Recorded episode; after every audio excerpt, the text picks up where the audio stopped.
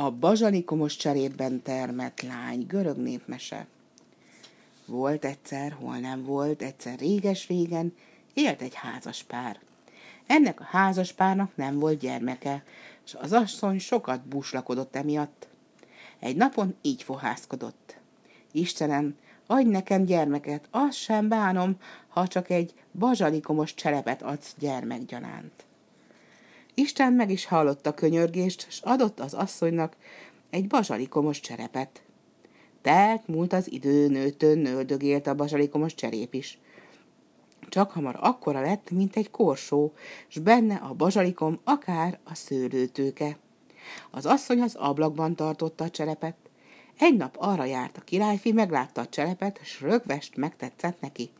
Bekopogott a házba, az asszony ajtót nyitott, s a királyfi belépett. Nekem adod-e azt a bazsalikomos cserepet, te asszony? kérdezte. Annyi aranypénzt adok érte, amennyit csak kérsz. Az asszonynak nem igen akaródzott a cserépről lemondania, de mert szegény volt nagyon, végül mégis ráállt a dologra.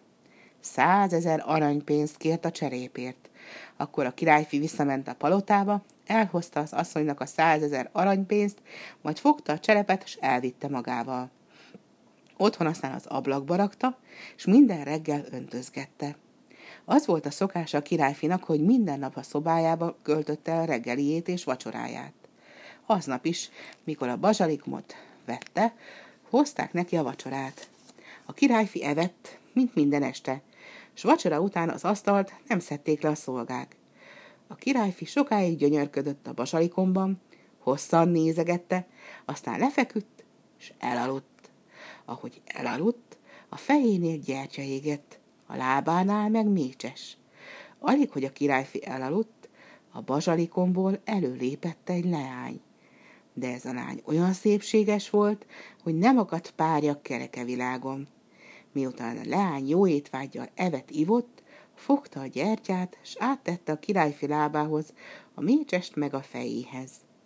Reggel, mikor a királyfi felébredt, hát látjám, hogy valaki megette a vacsoráját, s a gyertya a lábánál van, a mécses meg a fejénél. Igen elcsodálkozott, hiszen az ajtó szokás szerint be volt reteszelve. Másnap este azonban épp ugyanígy történt minden. Harmadik nap a királyfi elhatározta, hogy ébren marad, s meglesi, miféle dolgok esnek éjjel a szobájában. Mikor a lány előjött a cseréből, a királyfi hagyta enni-inni, amikor a leány a gyertyáért nyúlt volna, megfogta kezét, és így szólt. Miért nem mutatkozol meg előttem virágszálam, miért rejtőzködsz? A leány nem felelt, csak rimánkodni kezdett a királyfinak, hogy senkinek el ne árulja, amire rájött. Királyfi szavát adta, s megparancsolta a szolgáknak, eztán bőségesebb vacsorát hozzanak neki.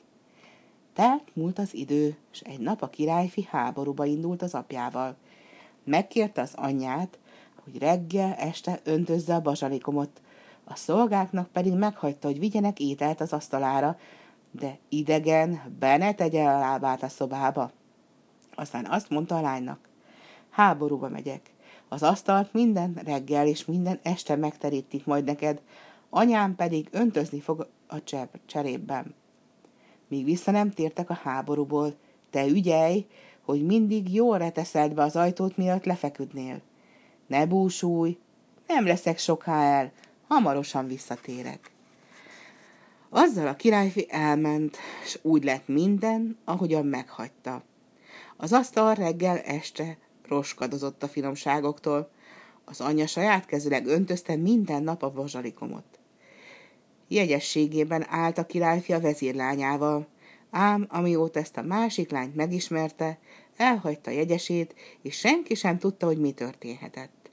Mindenki mondta a királyfinak, hogy vegye el a vezírlányát, házasodjon meg végre, ám ő folyvás csak azt hajtogatta, hogy nem jött még el annak az ideje. Aztán meg el kellett menni a háborúba. Míg távol volt, a vezérlánya egy nap elment az anyjával együtt a palotába, leendő anyósát meglátogatni. Beszélgettek, aztán körbejárták a palotát. Mikor a királyfi szobájához értek, a vezérlánya kérte a királynét, nyissa ki az ajtót, hadd nézzen be a vőlegénye szobájába. Jaj, leányom, mondta el a királyné, a vőlegényet szigorúan meghajtott, senki be ne tegye lábát a szobájába. Már pedig az én kedvemért ki fogod nyitni az ajtót, mondta parancsoló hangon a lány.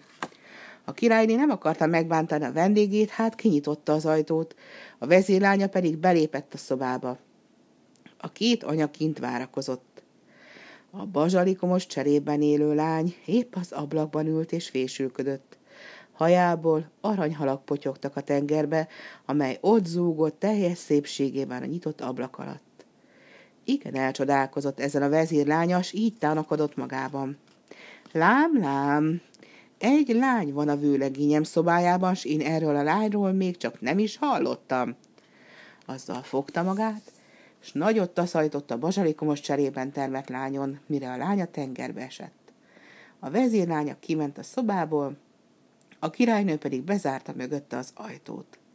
Másnap, mikor a királynő ment, hogy megöntözze a cserepet, hát látja ám, hogy elhervadt a bazsalikom. Igen, elcsodálkozott az asszony, elképzelni sem tudta, mi történhetett. Este újra kinyitotta az ajtót, a szolga bevitte a vacsorát, de reggel az étel érintetlen volt. A bazsalikom meg egészen elszáradt. Tehát múlt az idő, míg nem egy nap a királyfi visszatért a háborúból. Ment egyenesen a szobájába, és azon nyomban látta, hogy elhervadt, kiszáradt a bazsalikom, és az étel érintetlenül áll az asztalon. Keserve sírásra fagadt a királyfi, és kérdezte az anyjától, hát miért nem öntözted a bazsalikomot, anyám? Miért hagytad kiszáradni? Öntöztem én, fiam. Magam sem tudom, mitől száradhatott ki. Talán idegen járt a szobában? Mondd meg, ki járt itt. A jegyeset járt nálunk egy nap az anyjával. Ő kért meg, hogy nyissam ki az ajtót, látni akarta a szobádat. Én meg a kedvéért, hogy el ne roncsam, beengedtem, s hagytam, hogy körbejárjon nálad. Nem lett volna szabad beengedned. Ő pusztította el a bazsalikomat. A királyfi csak sírt, még ágynak is esett bánatában. A vezérlánya meg akarta látogatni, ám az ifjú hallani sem akart a lányról. A bazsalikomos lány minden este naplementekor megkérdezte a napot.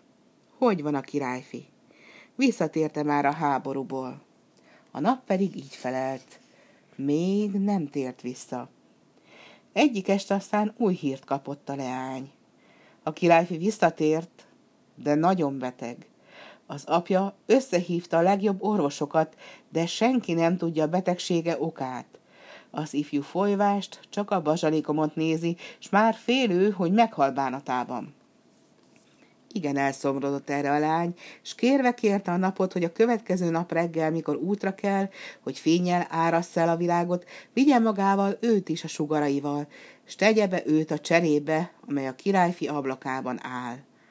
A nap ráállt a dologra, s másnap úgy is tett, ahogy a leány kérte, magával vitte, és betette a cserébe.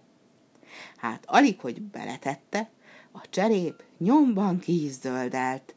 A királyfi pedig, amint a friss növényt meglátta, egy szempillantás alatt meggyógyult. Mindenkit kiküldött a szobából, nem is értette senki, hogy mi lelte hirtelen. Este a szobájába rendelte a vacsoráját, s bereteszelte maga mögött az ajtót. Mikor a lány előjött a cseréből, mindent elmesélt az ifjúnak. A királyfi akkor átölelte lányt, és így szólt. Amit a vezírlánya veled tett, legyen az ő sorsa. Másnap a királyfi hírul adta, hogy feleségül veszi a vezírlányát. A palotanébe boldogan készült a mennyegzőre, és hamarosan megérkezett a menyasszony is. A királyfi a szobájába vitte az álnoklányt, és egy szempillantás alatt a habok közé lökte. Akkor a cseréből előlépett a bazsalikomos lány, hetet hét országra szóló lakodalmat tartottak. Én is ott voltam, velük ettem, ittam. Aki nem hiszi, járjon utána.